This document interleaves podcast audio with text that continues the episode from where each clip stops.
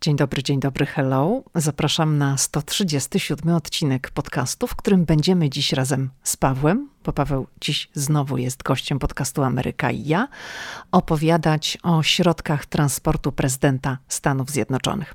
Pomyślałam, że to świetny moment, by o tym opowiedzieć, bo przecież prezydent Biden odwiedził właśnie Polskę.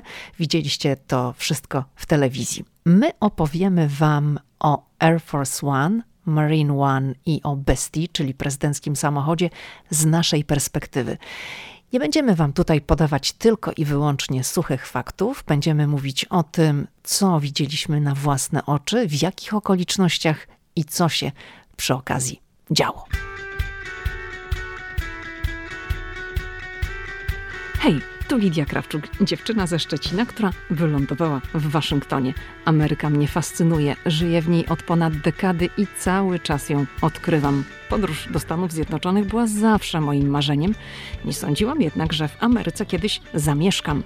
Jeśli Ciebie, tak jak mnie, ciekawią Stany i chcesz wiedzieć o nich więcej, to jesteś we właściwym miejscu. Opowiadam tu o Ameryce, o życiu w Stanach i o tym wszystkim, co odkrywam podczas mojej amerykańskiej przygody. Zapraszam na podcast Ameryka i ja.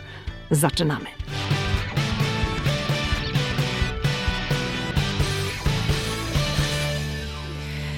Zatem, Paweł, mogę Cię już oficjalnie powitać po raz kolejny w moim podcaście.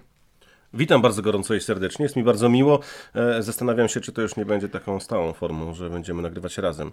Wiesz, no muszę ci powiedzieć, że ja dostaję takie wiadomości od ludzi, którzy piszą, że jest taka grupa słuchaczy podcastu Ameryka i ja, którzy piszą, że najbardziej lubią nasze wspólne odcinki. O, jakże miło. Także jesteś już mm, honorowym gościem podcastu Ameryka i ja. O, jak to ładnie brzmi.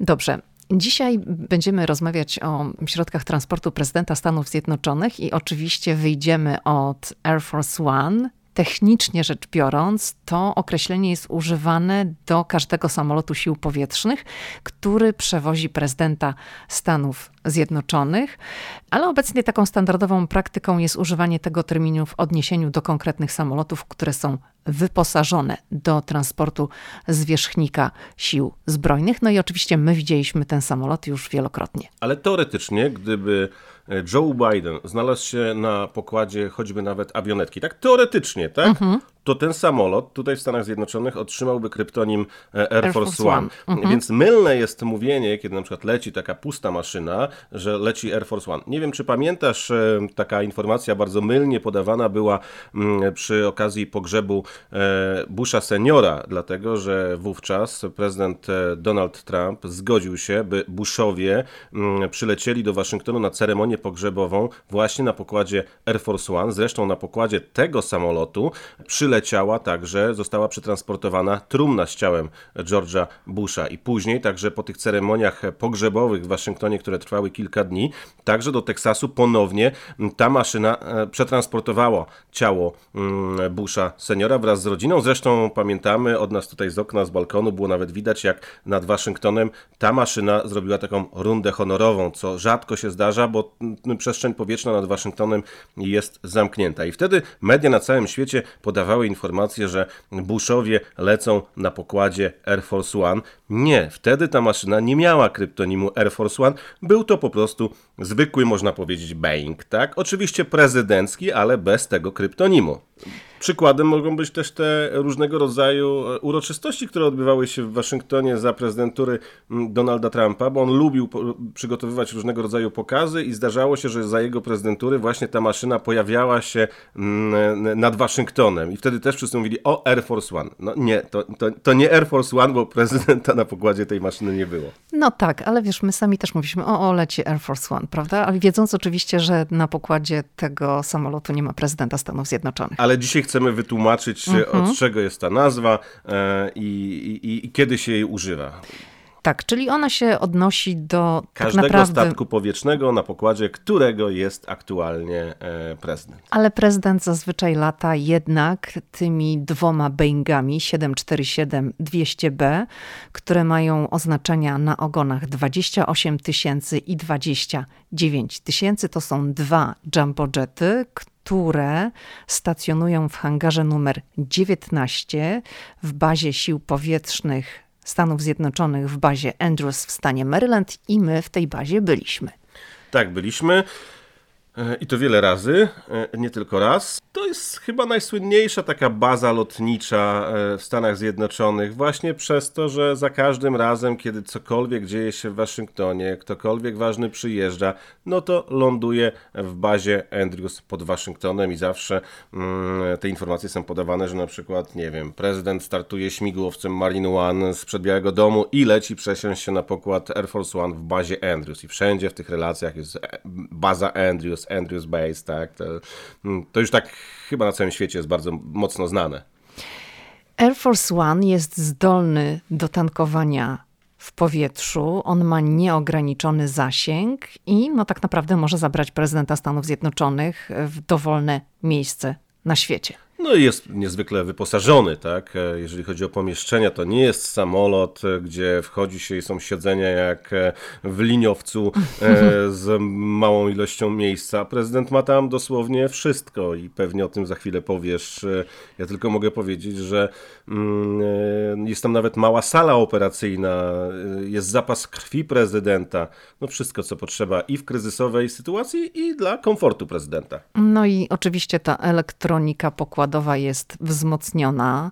Air Force One jest wyposażony w zaawansowany, bezpieczny sprzęt komunikacyjny, czyli może dzięki temu funkcjonować jako mobilne centrum dowodzenia w przypadku ataku na Stany Zjednoczone. Wewnątrz prezydent i osoby, które towarzyszą mu w podróży, mają do dyspozycji 4000 stóp kwadratowych powierzchni. Tam są trzy poziomy. Jest oczywiście taki obszerny apartament dla prezydenta z łóżkiem wygodnym. Prezydent tam przecież może sobie spać. Jest sala konferencyjna, biuro, wiadomo, łazienka i tak dalej. Jest też ten gabinet medyczny, o którym wspomniałeś, który może również pełnić funkcję sali operacyjnej. I oczywiście na pokładzie Air Force One zawsze przebywa lekarz. No są oczywiście kuchnie, można robić posiłki, no, no wszystko tam jest. Nie wiem, czy pamiętasz, jest taka historia, że na pokładzie starego Air Force One, kiedy Bush był prezydentem, także zawsze e, było czekoladowe ciasto. Kiedy Bush gdziekolwiek leciał, a latają z nim ludzie z jego otoczenia, e, także dziennikarze, zapraszani goście, więc e, Reagan, przepraszam, nie Bush, powiedziałem Bush. Powiedziałeś Bush. Bush. Nie, nie, chodzi o Reagana oczywiście. Reagan lubił mieć, czy kazał zawsze, żeby było ciasto czekoladowe, tort czekoladowy, bo lubił gości zaskakiwać. Bush latał już nowym Air Force One. Mówimy oczywiście o Reaganie. I, i na pokładzie tego samolotu na którego pokładzie byliśmy, mm, było zawsze czekoladowe ciasto.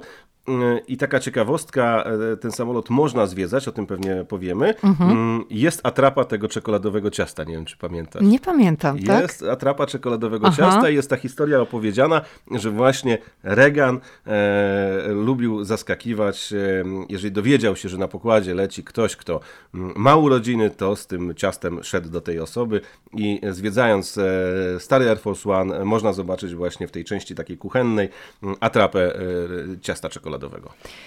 O tym zapomniałam, że, że można tam zobaczyć tę atrapę ciasta czekoladowego. Od razu mi się teraz przypomina, jak e, o tym wszystkim mówisz, że przecież jak następuje zmiana władzy i nowy prezydent po raz pierwszy wchodzi na pokład Air Force One, to otrzymuje w prezencie taką kurtkę, pilotkę od kapitana. To z tego z kolei ja nie pamiętam już. Tak, tak. I potem nawet są takie zdjęcia nowego prezydenta w tej kurtce. To, to się mówi kurtka lotnicza, może nie pilotka. Ale kojarzysz te zdjęcia. Pilotka to chyba czapka. Tak, tak, ale kojarzysz te zdjęcia tak, tak. prezydentów w takich, w takich kurtkach. Dobrze. Air Force One jest utrzymywany i obsługiwany przez, to się nazywa Presidential Airlift Group, mm, to jest część biura wojskowego Białego Domu. Ta grupa została założona w 1944 roku pod kierownictwem prezydenta Franklina Delano Roosevelta. Przez następne 15 lat różne samoloty śmigłowe służyły prezydentowi, aż prezydent Dwight Eisenhower poleciał do Europy na pokładzie Boeinga w sierpniu 1959 roku.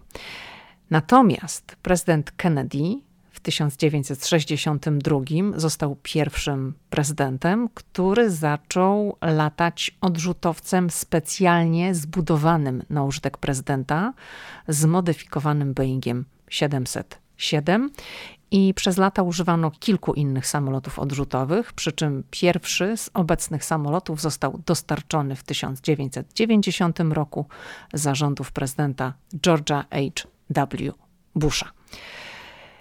Dobrze, to tu było kilka takich faktów. Teraz chciałabym powrócić do takiego momentu, Paweł, kiedy oboje spędziliśmy wiele godzin na lotnisku Dallas, Dallas International Airport pod Waszyngtonem. To jest międzynarodowe lotnisko dla Waszyngtonu w stanie Virginia, z którego miał odlecieć Air Force One z Barackiem Obamą na pokładzie. To był nietypowy start Air Force One z prezydentem Barackiem Obamą na pokładzie tutaj z okolicy amerykańskiej stolicy, z tego powodu, że kiedy coś takiego się tutaj dzieje, no to samolot startuje z bazy Andrews, ale tego dnia akurat Barack Obama miał e, jakieś wystąpienie, brał udział w jakiejś ceremonii w pobliżu lotniska Dallas i żeby prezydenta nie ciągnąć kolumną samochodów z powrotem do Waszyngtonu i później przez Waszyngton aż do stanu Maryland, bo baza Andrews e, mieści się na terenie stanu Maryland, a to wszystko działo się na terenie stanu Virginia, No to start odbywał się z lotniska właśnie imienia Dallesa pod Waszyngtonem. I tam to wyglądało w taki sposób, że no jeden pas startowy lotniska międzynarodowego został zablokowany na wiele godzin. Chwilę wcześniej widzieliśmy, jak wjechały też samochody Secret Service. Oni się poustawiali mm, gdzieś wzdłuż pasa startowego, jak pamiętamy. E, to było w takiej części lotniska Cargo, nie wiem czy pamiętasz. E, mhm. Mm, no tych służb było było tam naprawdę dużo. Oni obstawili całe lotnisko. To jest potężna operacja logistyczna, e, takie wydarzenie jak start e, samolotu z prezydentem na pokładzie. Może powiedzmy, co my tam w ogóle robiliśmy i dlaczego to tak długo trwało. To trwało tak długo dlatego, że no my musieliśmy razem z grupą innych dziennikarzy, fotoreporterów, którzy chcieli no, być świadkiem tego momentu, jak prezydent właśnie podjeżdża swoją limuzyną, bestią, bo ten samochód podjechał tuż pod schody, za pomocą których wszedł na pokład samo, samolotu.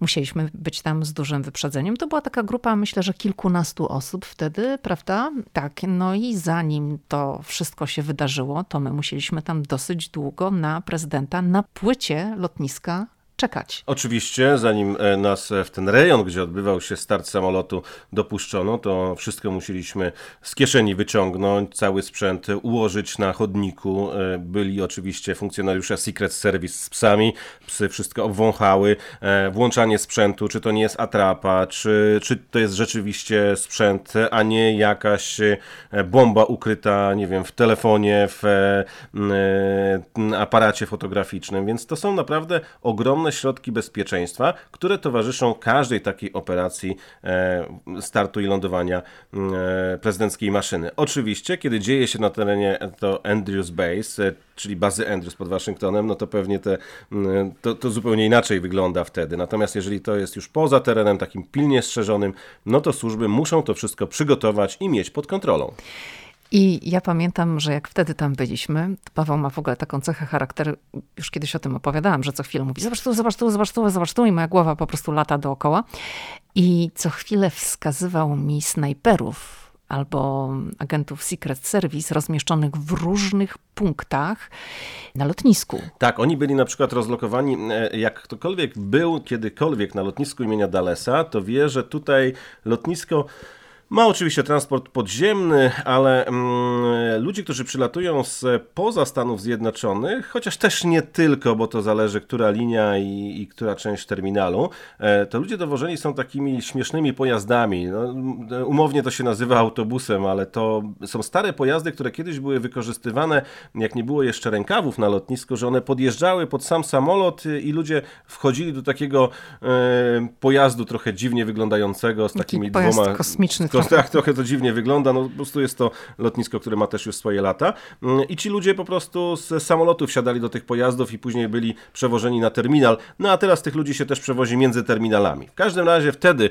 mm, ustawiono kilka takich pojazdów e, w pobliżu pasa startowego i na dachach tych pojazdów e, leżeli snajperzy z taką bronią, którą ja widziałem na filmach albo gdzieś mhm. na terenie Białego Domu, tak, e, kiedy są zmiany agentów i ich widać jak oni przechodzą. Więc to były mm, byli snajperzy, którzy leżeli gotowi do strzału, obserwowali całą okolicę, kolejni stali po prostu tylko, nie wiem czy pamiętasz, mieli na kaskach takie specjalne okulary, które tak, też pamiętam. forma mhm. lornetek pewnie z jakimś super przybliżeniem. Cały teren był dokładnie kontrolowany i był pod nadzorem. Zresztą, co ważne, nie wiem czy pamiętasz, e, samochód agentów Secret Service po jednej i po drugiej stronie jechał dosłownie mhm. pod skrzydłami mm, startującego, no może nie pod skrzydłami, to w pewnej odległości, ale dopóki maszyna mm, nie oderwała się od ziemi, to tak długo jak te samochody nadążały za tym, za tym samolotem, to te samochody grzały po pasie e, ogromną prędkością na wypadek, gdyby nagle, nie wiem, ktoś wtoczył się na pas startowy, czy ktoś wjechał, cokolwiek wydarzyło się nieprzewidzianego, to te samochody po prostu miałyby za zadanie taką osobę, czy taki pojazd staranować. E, e, to też niesamowicie wyglądało właśnie przy tym starcie. Pamiętam i pamiętam też, jak w końcu podjechała limuzyna z prezydentem Barackiem Obamą pod Air Force One. Jak Barack Obama wysiadł, tradycyjnie tak amerykańscy prezydenci bardzo często tak, pod, znaczy nie podskakują, wbiegają po schodkach, wbiegł po schodkach, odwrócił się, wykonał ten swój słynny gest do fotoreporterów, pomachał, no i zniknął za drzwiami. Ale też musimy powiedzieć, Dlaczego dziennikarze są, bo to, to jest też mhm. dosyć ciekawe, tak. dlaczego dziennikarze są przy startach i przy lądowaniu? To nie jest kwestia tylko tego, żeby pokazać wam, widzom, słuchaczom prezydenta, który odlatuje. Prawda jest też no, bardzo okrutna. Dlaczego dziennikarze są przy takim starcie? Gdyby cokolwiek w czasie tej podróży e, się wydarzyło, to chodzi też niestety o ostatnie zdjęcie prezydenta. I to e, dziennikarze e, mówią, no, po to oni są, mhm. żeby zrobić takie ostatnie zdjęcie. Dlatego też prezydent, przecież na takim lotnisku, gdzie my byliśmy, tam nie było widowni, tam nie było nie. ludzi. No to byli dziennikarze. No po prostu prezydent też wie, że ma się odwrócić, pomachać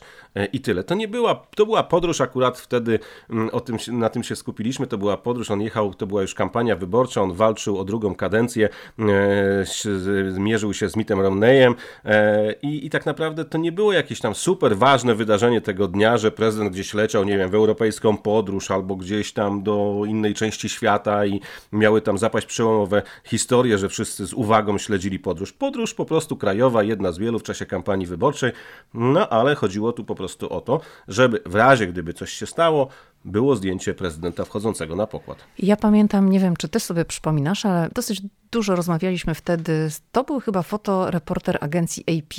Albo AFP. No Nieważne, ale to jakby są, jedna i druga to są dwie duże agencje i właśnie on mówił nam, że oni zawsze muszą być przy tego typu imprezach, tego typu odlotach prezydenta, bo muszą być zrobione zdjęcia, ale tych osób, które tam były z mediów, było o wiele, wiele więcej. Część to byli oczywiście fotoreporterzy, a inni, no być może pisali jakieś reportaże. My też robiliśmy wtedy relacje.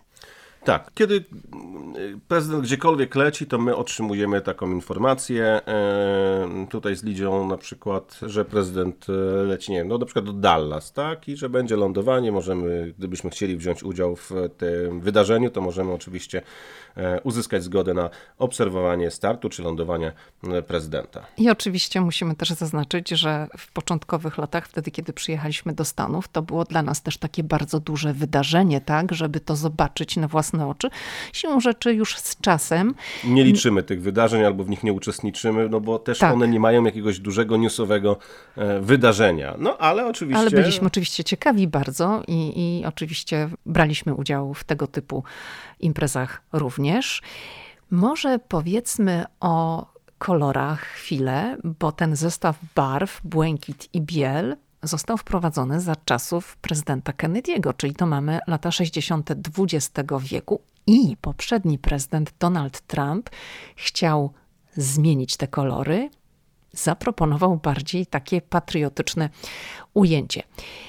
Może powiem tutaj taką krótką historię, że to jak wygląda obecnie Air Force One, czyli Boeing 747, na pokładzie którego podróżuje prezydent Stanów Zjednoczonych, to zasługa francuskiego artysty, francuskiego imigranta. W 1962 roku Raymond Louis, wówczas już amerykański obywatel z dużym dorobkiem w dziedzinie designu, zobaczył prezydencki samolot lądujący w Palm Springs w Kalifornii i pomyślał, że samolot z pomarańczowym nosem, bo miał właśnie ten Boeing, którym podróżował wtedy Kennedy, pomalowany na pomarańczowo nos, on pomyślał, że ten samolot po prostu wygląda okropnie. I on zaproponował nieodpłatnie zmianę designu, te kolory, które obowiązują do dziś. No, urodzony we Francji, Louis był jednym z najbardziej utytułowanych projektantów swoich czasów. Stworzył takie ikony jak automaty Coca-Coli, autobusy Greyhound, czyli ta znana linia autobusowa w Stanach Zjednoczonych, popularne logotypy TWA, czyli linii lotniczej, Exxon i Shell, czyli stacje benzynowe. Ale wracając do Donalda Trumpa, który chciał to zmienić.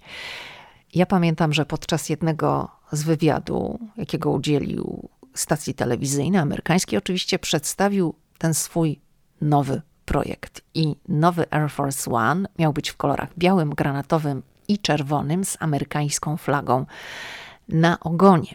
Donald Trump mówił wtedy, że nie robi tego dla siebie, że robi to dla innych prezydentów. Też podkreślał, że obniżył cenę o miliard 600 milionów dolarów, bo on wtedy negocjował zamówienie i zakup z Boeingiem nowych samolotów, które miały wejść do służby w 2021 roku. Mówimy o tych samolotach Air Force One, bo zawsze są dwa.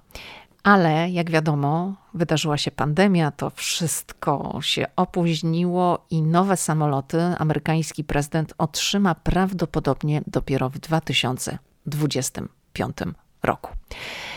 Zacząłem tak się szybko zastanawiać, to Biden teoretycznie może się na nowy samolot załapać. To znaczy, wiesz, jak, jak był. Będzie ubiegał się, bo tak przynajmniej twierdzi, o drugą kadencję, no to jest szansa, że e, przeleci się jeszcze e, nowym Air Force One. No ja pamiętam wtedy, kiedy była ta informacja, że inaczej. Pamiętam, że jak Biden został wybrany na prezydenta, no to pojawiały się takie informacje, że będzie tym pierwszym, który skorzysta z tych nowych samolotów, ale no nie wiadomo, tak? Bo jeżeli wygra wybory. No I jeżeli wystartuje, bo cały czas, tak. co prawda, Biden powiedział, że będzie ubiegał się w 2024 roku o drugą kadencję, no ale też e, musimy sobie jasno powiedzieć, że wiek Bidena jest jaki jest i różne decyzje mogą w tej sprawie zapaść.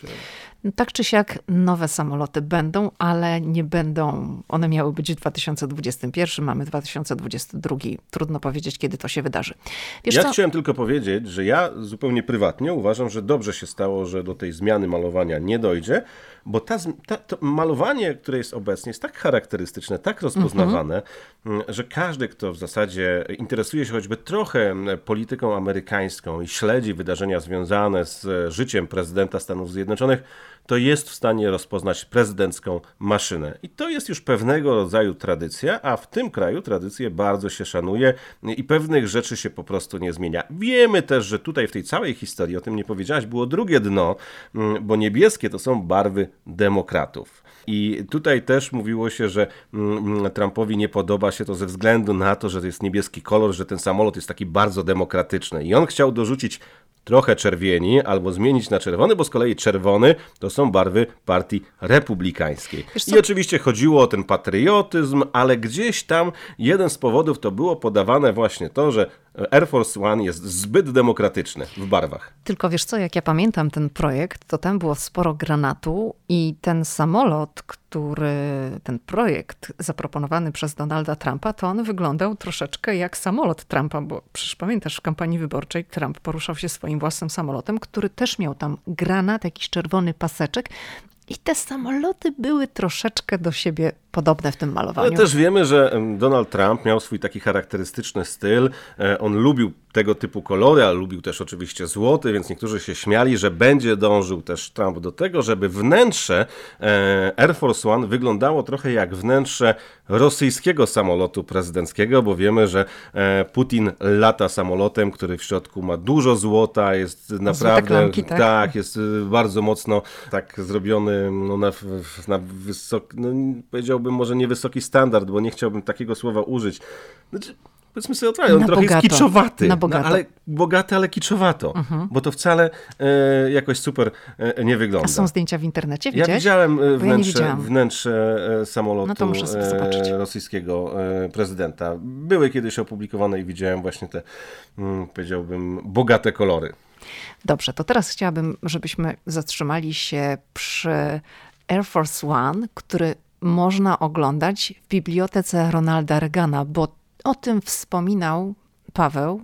Nie mówił, gdzie widzieliśmy, gdzie można było to obejrzeć, ale właśnie w Kalifornii, w Simi Valley, jest, znajduje się biblioteka prezydenta Reagana. I to jest w ogóle największa z prezydenckich bibliotek. Jest ich kilkanaście. W tych ostatnich dekadach każdy odchodzący prezydent buduje takie miejsce, które jest dedykowane jego prezydenturze. Z jednej strony to tam mieszczą się archiwa, które gromadzą te wszystkie dokumenty związane z prezydenturą danego prezydenta. Z drugiej strony są też właśnie pamiątki i no, ludzie mogą oglądać. Jest też taka cała sekcja, która jest dedykowana pierwszej damie. Są na przykład stroje pierwszych dam. Także to jest bardzo wszystko tam ciekawe. I właśnie biblioteka prezydenta Reagana w Kalifornii jest o tyle wyjątkowa, że znajduje się tam Air Force One, który służył siedmiu amerykańskim prezydentom od 1973 do 2001 roku, czyli na jego pokładzie latali prezydenci Nixon, Carter, Ford, Reagan, George H.W. Bush, Clinton i George W. Bush. No i my oczywiście byliśmy tam w tej bibliotece w Kalifornii. Wspaniała rzecz w ogóle do zwiedzania, do oglądania. I mogliśmy również wejść na pokład Air Force One, bo to jest przewidziane w ramach wycieczki. Tam zbudowano taki olbrzymi hangar. Piękny jest widok stamtąd, bo ta biblioteka znajduje się na wzgórzu i widać pięknie całą okolicę. I to jest cały taki program. Wchodzi się po schodkach do wnętrza Air Force One. Oczywiście, jak to w Ameryce, jest foteczka robiona. Odwracamy się i pozujemy. I mamy jak prezydencka para zdjęcie na pokładzie Air Force One, a potem wchodzimy do środka. To jest tak zorganizowane, że wchodzi się właśnie e, tym wejściem e, przy dziobie Mhm. e, i przechodzi się przez całe wnętrze samolotu. I tam e, są poszczególne elementy. W tym starym Air Force One oczywiście też było miejsce, takie biuro prezydenta, taka mini sala, gdzie mogły odbywać się narady. Był też przedział właśnie dla dziennikarzy, widać kuchnię. e, Ale i- to już tak trąci myszką, prawda? no to już jest to stare czasy, no to Mhm. jest stary samolot, więc to wyglądało zupełnie inaczej mm, niż teraz, niż obecny Air Force One, a pewnie ten nowy, który powstanie, no to, który powstaje, to już w ogóle Już będzie będzie, full wypas. będzie full wypas, tam będzie wszystko, to, to, to będzie latająca forteca. Natomiast nawet przejście przez e, stary Air Force One robi wrażenie i tam właśnie mm, w okolicy, gdzie jest ogon e, i wyjście, to ostatni etap to jest ta kuchnia i tam jest e, ciasto, atrapa ciasta, o którym wspominałem. No, to- jest też tak, że się przechodzi, jest opowiedziana cała historia po prostu, gdzie siedział prezydent, gdzie, gdzie siedzieli zapraszani goście, gdzie cała prezydencka świta, no, gdzie dziennikarze. Więc no, to jest kawałek amerykańskiej mm, historii. No i możemy jeszcze powiedzieć, że Air Force One to w ogóle jest też takim, mm, w Waszyngtonie zwłaszcza, no w tej bibliotece Reagana również, ale to jest taki gadżet, który można sobie kupić. I tutaj w Waszyngtonie są również ozdoby choinkowe z y, motywem Air Force One. My mieliśmy przez kilka lat, dopóki nasz syn, jak był młodszy, się do tego nie dobrał, taką ozdobę na choinkę, która przedstawiała Air Force One, a na Air Force One siedział Mikołaj i tam był zawieszony sznureczek.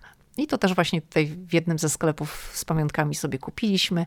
No są puzzle z motywem Air Force One, kubeczki, jest dużo książek na, na ten temat. to jest no, taki symbol, powiedziałabym, siły, potęgi Ameryki. Wspomniałaś o gadżetach, ale gadżety to nie obejmują tylko takich tam historii jak e, e, ozdoba na choinkę. Nawet można sobie kupić ręczniczek z wygrawerowanym logo prezydenckiej maszyny, e, jakiś tam szaliczek. Mhm. No to jest cały biznes. Szklaneczkę z napisem, tak? Więc tutaj oni potrafią robić biznes na tym. Dobrze, to teraz może już przejdźmy do kolejnego środka transportu prezydenta, czyli do Marine One. Ten kryptonim też jest nadawany każdemu statkowi powietrznemu, który należy do Korpusu Piechoty Morskiej Stanów Zjednoczonych, który przewozi prezydenta Stanów Zjednoczonych i obecnie to jest śmigłowiec Sikorski. I po raz pierwszy na pokładzie śmigłowca jako prezydent, właśnie wtedy też to, to zostało użyte Marine One, był prezydent Dwight Eisenhower w 1957 roku. Ja w podcastach wspominałam o świątecznych ornamentach Białego Domu i mówiłam o tym, ale przypomnę, że właśnie w 2019 roku ornament świąteczny Białego Domu miał kształt śmigłowca. Był to oczywiście śmigłowiec Sikorski, produkowany przez Lockheed Martin. I ten śmigłowiec upamiętniał prezydenta Dwighta Eisenhowera, dlatego że właśnie był pierwszym, który zaczął korzystać ze śmigłowca, mimo że wówczas istniały obawy co do bezpieczeństwa. No ale w lipcu 1957 roku prezydent Eisenhower poleciał na pokładzie śmigłowca po raz pierwszy. I chciałbym, Paweł, żebyś nam troszeczkę takich zakulisowych rzeczy opowiedział. Byliśmy w Białym Domu wspólnie, obserwowaliśmy starty śmigłowców, ale ty oczywiście robisz to częściej.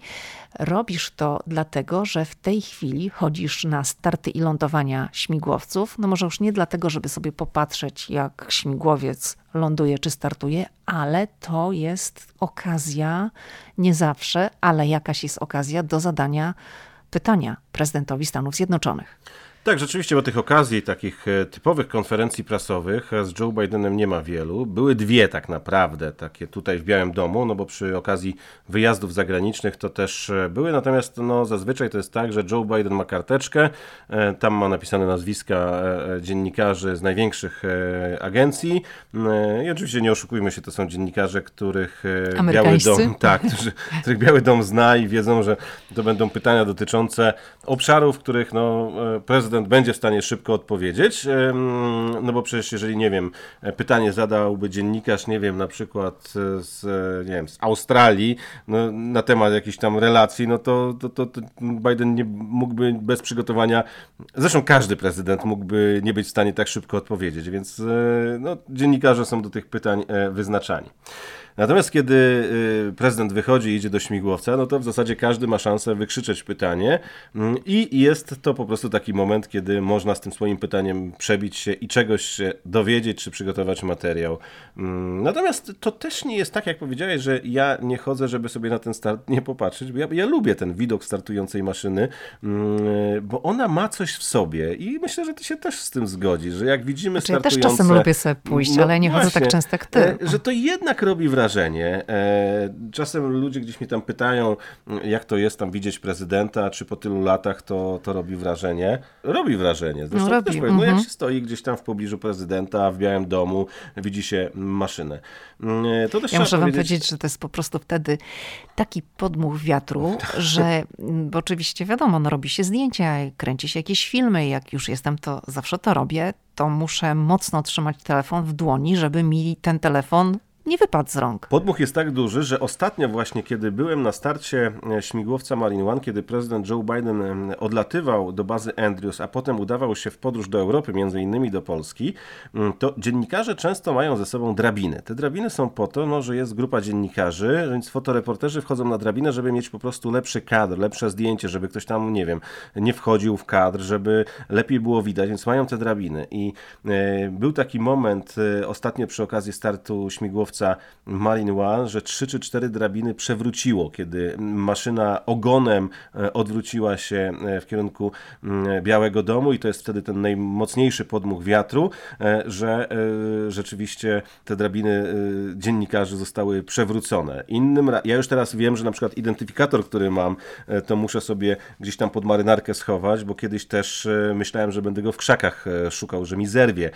Innym razem to było po jakichś opadach śniegu i ten śnieg był taki mocny, zmrożony, był start śmigłowca i maszyna kiedy się poderwała, jak te wierniki zaczęły pracować, to żałowałem, że gogli nie wziąłem, bo po prostu czułem, jak w moją twarz e, wbijają się e, takie drobne e, drobinki lodu, bo to jest taki podmuch. Oczywiście część tego trawnika była przygotowana tak, że nie było ani grama śniegu, natomiast ten śnieg był dookoła, więc tak to wygląda. Ja Zawsze... pamiętam, że też właśnie zawsze żałuję, że mam niespięte włosy, bo w przypadku mężczyzn, no to aż ten wiatr, jeżeli są krótkie włosy, tak bardzo ich nie potarga, a moje wyglądały okropnie.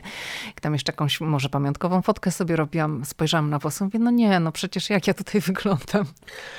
Tak, ale e, też warto zwrócić uwagę na jedną rzecz, że ciekawym elementem tego startu śmigłowca jest to, że można zobaczyć e, oczywiście prezydenta, czasem także pierwszą damę, mhm. E, jeżeli idą razem. Ale też czasem Walizeczka są takie. Jeszcze. Tak, chcę o tym powiedzieć, ale też oprócz tego czasem jest tak, że Joe Biden sam gdzieś leci, a Jill jest na e, balkonie i macha prezydentowi, swojemu mężowi, kiedy ten odlatuje. Natomiast też można zobaczyć całą Buziaki świtę. sobie czasem rozdają, nie? Tak, tak, tak. tak, tak.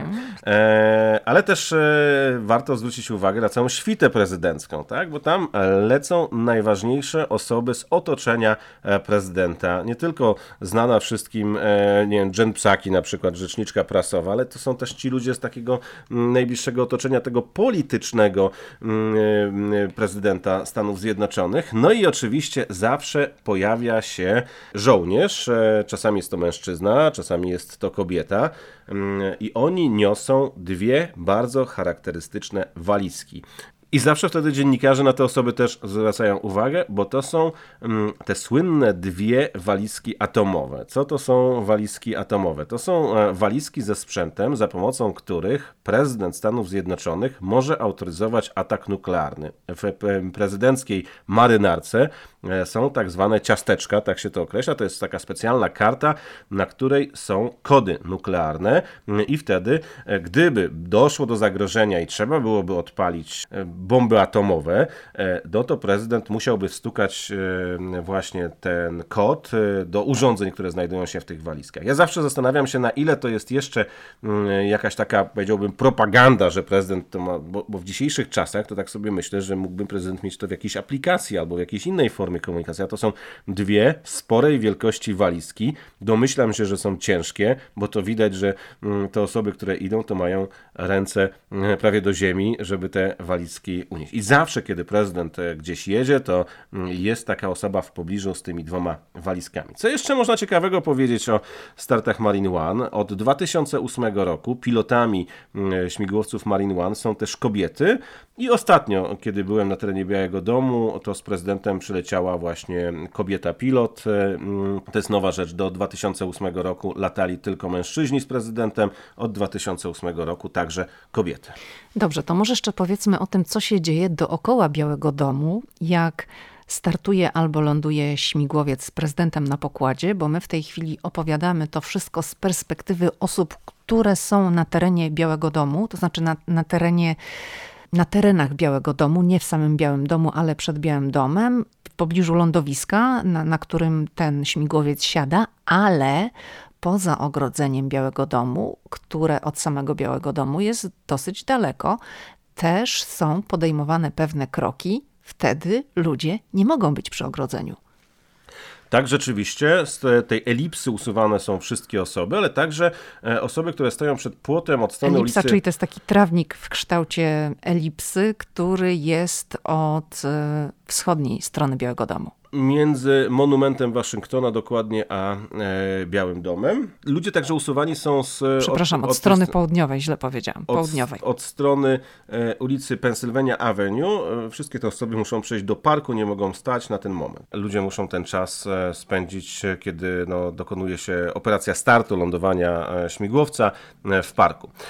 Po czym poznać, że być może za chwilę będzie przylatywał prezydent albo będzie odlatywał. Na jakieś 10 minut przed startem albo przed lądowaniem nad Białym Domem zaczyna krążyć niewielki śmigłowiec policyjny, który sprawdza E, dachy, pobliskie dachy, czy nie ma jakiegoś snajpera. Podejrzewam, że mają tam także urządzenia mm, do wykrywania temperatury, jakieś kamery, które to wszystko obrazują. Mm, e, amerykańscy dziennikarze mówią, że lata wtedy mm, orzeł najczęściej w ten mhm. sposób, że to jest po prostu ta, to sprawdzenie. Co się jeszcze dzieje? Na teren Białego Domu wjeżdża wóz Straży Pożarnej z waszyngtońskiego oddziału Straży Pożarnej. Drugi taki wóz Straży Pożarnej stoi na ulicy między właśnie elipsą a monumentem Waszyngtona. Nie ukrywajmy, no w przypadku, gdyby w czasie operacji startu czy lądowania doszło do katastrofy i trzeba było szybko e, ruszyć do akcji. Na terenie Białego Domu w tym momencie także znajduje się karetka, pojazd medyczny, także jest on poza terenem Białego Domu. Dlaczego? No po prostu na teren Białego Domu e, wjeżdża się czy wyjeżdża się no chwilę, tak? No bo są specjalne zabezpieczenia. Gdyby cokolwiek wydarzyło się za ogrodzeniem, no to ani od strony Waszyngtonu, tej części cywilnej, że tak powiem, e, no, nie dałoby się szybko wjechać, ani z terenu Białego Domu nie dałoby się szybko wyjechać, bo gdyby cokolwiek się wydarzyło, to oczywiście też istniałoby podejrzenie, że jest to zamach, że za chwilę może coś się dziać jeszcze dodatkowo, jakiś dodatkowy atak, mm, więc te pojazdy są zarówno na terenie Białego Domu, jak i poza terenem Białego Domu. Kiedy maszyna startuje czy ląduje, też jest w asyście dwóch innych śmigłowców. E, chodzi o to, że gdyby na przykład było jakieś awaryjne lądowanie, to żeby prezydent mógł się szybko mm, przesiąść. Poza tym mm, też mówiło się dużo o tym, że to też chodzi o to, żeby trochę e, było niepewności w przypadku oczywiście, no też tutaj mówimy wprost, gdyby ktoś chciał zaatakować taką maszynę, kiedy ona podróżuje z Białego Domu do bazy Andrews albo z bazy Andrews do Białego Domu, mm, że nigdy nie byłoby wiadomo, w którym to w której to konkretnie maszynie siedzi prezydent, bo dopiero mm, one lecą w szeregu, e, dopiero przed, y, w okolicy w zasadzie monumentu Waszyngtona one ustawiają się w taki sposób, że Czy to widać, jest niedaleko, że, tak? No tak, to jest kilometr? Nawet nie, myślę, tak? Mhm. Że już wtedy wiadomo, że w tej środkowej maszynie jest y, mm, prezydent, a dwie boczne to stanowią tylko asystę. Ale widziałem kiedyś taki start y, śmigłowców, że te maszyny zrobiły taki, mm, taką figurę dosyć dziwną nad elipsą, zrobiły taką przekładankę. To tak jak wiecie, czasem widzicie tych ludzi, którzy grają w trzy kubki, mhm że one się po prostu poprzestawiały. To była taka e, dosyć ciekawa ewolucja nad Waszyngtonem, że e, jeżeli ktoś obserwował mm, start, no to teoretycznie mógł zapamiętać, w której siedzi maszyna, ale to była taka zmyłka po prostu, żeby szybko przetasować położenie tych maszyn. Czyli jeżeli kiedykolwiek będziecie w Waszyngtonie i będziecie w okolicy Białego Domu i nagle Secret Service zacznie taką procedurę związaną z zamykaniem terenu dookoła, to może to być znak, że będzie albo start, albo lądowanie śmigłowca. Lepiej wtedy być od strony południowej. Południowa strona to jest ta, gdzie widać w całości monument Waszyngtona, a jak się spogląda na Biały Dom, to widać balkony. I oczywiście zostaniecie przesunięci od ogrodzenia Białego Domu, właśnie bardziej w kierunku monumentu na trawnik, ale stamtąd dobrze będziecie widzieć śmigłowiec, jeżeli to będzie oczywiście ten moment, który wyląduje na trawniku przed Białym Domem, bo tam oczywiście jest specjalne lądowisko dla śmigłowca. Chciałam jeszcze dodać, bo mówiliśmy o bibliotece Reagana w Kalifornii, w której jest Air Force One, ale tam też jest śmigłowiec no, Marine One, tak, który służył prezydentom Johnsonowi, Nixonowi i Fordowi. I to jest właśnie ten helikopter, który przetransportował prezydenta Johnsona z bazy Andrews do Białego Domu wtedy, kiedy nieoczekiwanie Johnson został prezydentem po zabójstwie Kennedy'ego.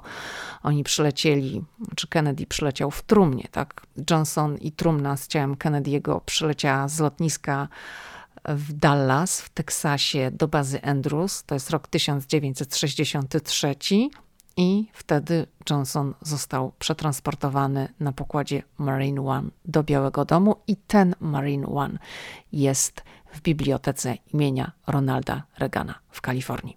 Dobrze, myślę, że możemy ten wątek dotyczący Marine One zamknąć i został nam jeszcze wątek, który dotyczy prezydenckiego samochodu, czyli bestii. To jest Cadillac, nazywany Cadillac One albo First Car. I to jest oczywiście oficjalny samochód prezydenta Stanów Zjednoczonych. Obecny model to jest y, Cadillac, który został dostarczony do Białego Domu w 2018 roku, czyli za czasów prezydenta Donalda Trumpa.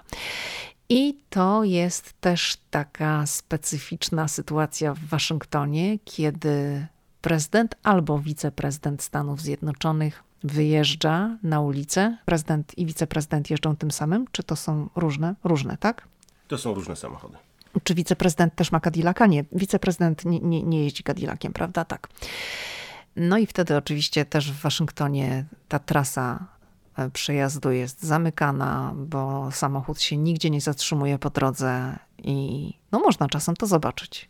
Tak, e, widzieliśmy wiele razy, kiedy jechała prezydencka kolumna. E, to się dzieje na przykład, kiedy prezydent jedzie na Capitol, e, więc to jest taka odległość, że tu się śmigłowca nie używa, więc bardzo często można zobaczyć właśnie prezydenta, który jedzie na Capitol w jakiejś ważnej sprawie, albo ma jakieś wystąpienie poza Białym Domem, bo to też się zdarza, albo bierze udział w jakichś kolacjach, których, w czasie których zbiera się jakieś pieniądze różnego rodzaju na kampanię, więc to nie jest jakiś tam rzadki widok. Mm, też kiedy na przykład prezydent udaje się do Pentagonu, ale też kiedy udaje się na cmentarz narodowy w Arlington, wtedy też porusza się w kolumnie samochodów. W tej kolumnie najciekawszym dla mnie pojazdem jest taki czarny samochód z antenkami, który sprawia, że e, pewnie e, wszyscy dookoła gubią zasięg w telefonach, a też to uniemożliwia atak e, na kolumnę prezydencką drogą radiową. Po prostu to jest pojazd, który zagłusza wszystko, co jest dookoła i uniemożliwia właśnie mm, nadanie jakiegokolwiek e, sygnału. Ja też sobie myślę, jeżeli mogę tutaj wspomnę, wspomnieć o tym, to miałem taką przygodę, że w zeszłym roku prezydent koło mnie i koło mojego syna, koło naszego syna zatrzymał się na cmentarzu narodowym w Arlington. Mm, co prawda na cmentarz narodowy w Arlington wchodzi się też poprzez bramki pirotechniczne i też jest sprawdzane, ale jestem święcie przekonany, że ten samochód, który przejeżdżał, był w stanie zeskanować mnie i mojego syna, żeby mieć pewność, że mm, nie stanowimy żadnego zagrożenia. I, i, i ja pamiętam taki moment, kiedy pewien e, współpracownik Bidena podszedł, wskazał na nas, to było przy okazji Memorial Day, kiedy Amerykanie wspominają swoich bohaterów. My byliśmy no, przypadkowo zupełnie na cmentarzu, to znaczy byliśmy prywatnie mm, z synem i prezydent do nas podszedł. Jestem przekonany, że wówczas właśnie e, ten sygnał poszedł z tego samochodu, że teren jest bezpieczny. I ten samochód mogliśmy również oglądać z bliska na terenie Białego Domu. To jest właściwie nie tylko my, ale ludzie, którzy pojawiają się dwa razy w roku. Mm, Biały Dom otwiera swoje ogrody to jest raz na wiosnę, raz jesienią i wtedy każdy, kto ma bezpłatną wejściówkę, tę wejściówkę trzeba najpierw zdobyć. Każdy, kto ma taką wejściówkę, może wejść i zobaczyć, jak wyglądają ogrody Białego Domu. I jedną z atrakcji jest również to, że te prezydenckie samochody są zaparkowane w takim miejscu, że no można z dosyć bliskiej odległości się im przyjrzeć. Tak, i widzieliśmy ten samochód, tak jak powiedziałaś, i robi on naprawdę ogromne wrażenie. I jeszcze chciałabym Cię zapytać o jedną rzecz, ponieważ parę miesięcy temu miałeś okazję zobaczyć, jak Joe Biden prowadzi samochód. Bo prezydent Stanów Zjednoczonych, no jak już zostaje prezydentem, no to nigdy nie siada za kierownicą raczej, tylko jest wożony albo jest na pokładzie śmigłowca, ale to była taka wyjątkowa okazja na terenie Białego Domu, kiedy Joe Biden zaprezentował swoje umiejętności kierowcy. Tak, to było akurat w dniu, kiedy na terenie Białego Domu e, ogłaszano program inwestycji w no, pojazdy, które mają być ekologiczne, tak? E, w, e, samochody, samochody elektryczne. elektryczne. Mm, I Joe Biden właśnie zrobił taki pokaz, wsiadł w samochód przed Białym Domem i pojeździł chwilę po ogrodach Białego Domu, oczywiście drogą asfaltową, która jest przy mhm. ogrodach. No, w pewnym momencie widziałem, że nawet no, miał ciężką nogę i, i tak dosyć, ja, ja nawet sobie pomyślałem, jak zaraz gdzieś w drzewo tam e, walnie, to będzie afera mm, i temat będzie zupełnie inny niż e, ten, w sprawie którego przyszliśmy na teren Białego Domu. Ale Biden przyjechał, był zadowolony mm, i później, jeszcze parę tygodni później poleciał do Detroit i tam też w fabryce samochodów na jakimś pasie start, startowym, chciałem powiedzieć, bo rozmawialiśmy o Marine One i o mm, Air Force One, na pasie jakimś testowym wsiadł do samochodu i też tam no, przycisnął gaz do dechy. To jeszcze tak kończąc ten temat, temat środków transportu, których używają amerykańscy prezydenci, to musimy też na koniec powiedzieć, że obecny prezydent Stanów Zjednoczonych, Joe Biden, lubi jeździć na rowerze. Tak, kiedy e, lata do swojego domku w, nad oceanem w Delaware, to w zasadzie zawsze z żoną jadą na przejażdżkę. To też jest e, taki śmieszny obrazek, bo oni jadą na rowerach, z tyłu jadą meleksy z ochroną, no bo e, oni sobie wzdłuż oceanu po promenadzie jeżdżą. Tam jest taka zasada, że kiedy prezydent jedzie po promenadzie, no to nikt na nią wjechać nie może już. Natomiast jeżeli ktoś akurat jechał, bo wjechał wcześniej, no to jakby no nie mogą tej osoby wyrzucić. No więc czasem e, jeżdżąc tam w okolicy Dewey Beach e, i Rehoboth Beach, to się tak chyba nazywa ta miejscowość, Rehoboth. E, to można zobaczyć prezydenta Joe Bidena właśnie na rowerze. Ale jeszcze, jeżeli I oczywiście mówimy o... agenci Secret Service też na tak, tak rowerkach tak, tam pomykają. No i dziennikarze obok. też stoją w mhm. pewnym momencie, żeby tam można było zobaczyć i oczywiście pierwsza para przejeżdża, tam machają, życzą dobrego dnia. Mm, to się dzieje właśnie tam są fajne te ścieżki rowerowe. Tak, tak. Mhm. Jeżeli jeszcze em, mówimy o mm, środkach transportu prezydenta, które lubi e, Biden, e, to trzeba powiedzieć, że Biden lubi też pociągi. Myślałam, że powiesz, że na hulajnodze Nie, jeździć. pociągi, pociągi. No on y, przez lata z Delaware dojeżdżał do Waszyngtonu, jeszcze jak pracował na Kapitolu, e, pociągiem. E, z tego okresu są zdjęcia, ale też, nie wiem czy pamiętasz, na zaprzysiężenie e, w styczniu 2021 roku też przyjechał pociągiem. E, to było pokazywane, relacjonowane tak. mhm. E, i później zatrzymał się oczywiście w Waszyngtonie. Też mhm. przyjechał właśnie e, pociągiem. nawet Amtrak często pokazywał zdjęcia, bo on z tej mm, linii kolejowej e, korzystał bardzo, bardzo e, często. Zresztą chyba z tego okresu najbardziej smutnego w jego życiu, kiedy zginęła jego żona, kiedy on chyba jechał do pracy, czy wracał, to też jest takie zdjęcie w pociągu, on taki zapatrzony w szybę. Nie wiem, czy pamiętasz, czy dobrze kojarzę już, jest takie zdjęcie, które zresztą chyba jest nawet w gabinecie owalnym e, przy biurku on, on, to zdjęcie, zdjęcie było wykorzystywane w różnych tam spotach, kiedy on opowiadał o swoim życiu i o tej tragedii, która go spotkała. Dobrze, to słuchajcie, no to to jest tyle, co przygotowaliśmy, co przygotowałam, przygotowaliśmy wspólnie w tym odcinku. Paweł, dziękuję Ci bardzo, że no, pojawiłeś się po raz kolejny, drugi raz, wiesz, pod rząd, bo poprzedni odcinek nagrywaliśmy wspólnie w terenie, ten odcinek również. Początkowo chcieliśmy go nagrać w terenie, ale musieliśmy zmienić plany z powodu pogody, także nagraliśmy go w studium. Dziękuję Ci bardzo. Dziękuję bardzo. Możecie nas obserwować i śledzić pomiędzy odcinkami podcastu na Instagramie. Paweł, łatwo go wyszukać, Paweł Żuchowski, ja, po imieniu i nazwisku Lidia Krawczuk albo Ameryka i ja, a kolejny odcinek podcastu, jak zawsze, pojawi się we wtorek. Do usłyszenia. Dziękuję bardzo, do zobaczenia i do usłyszenia.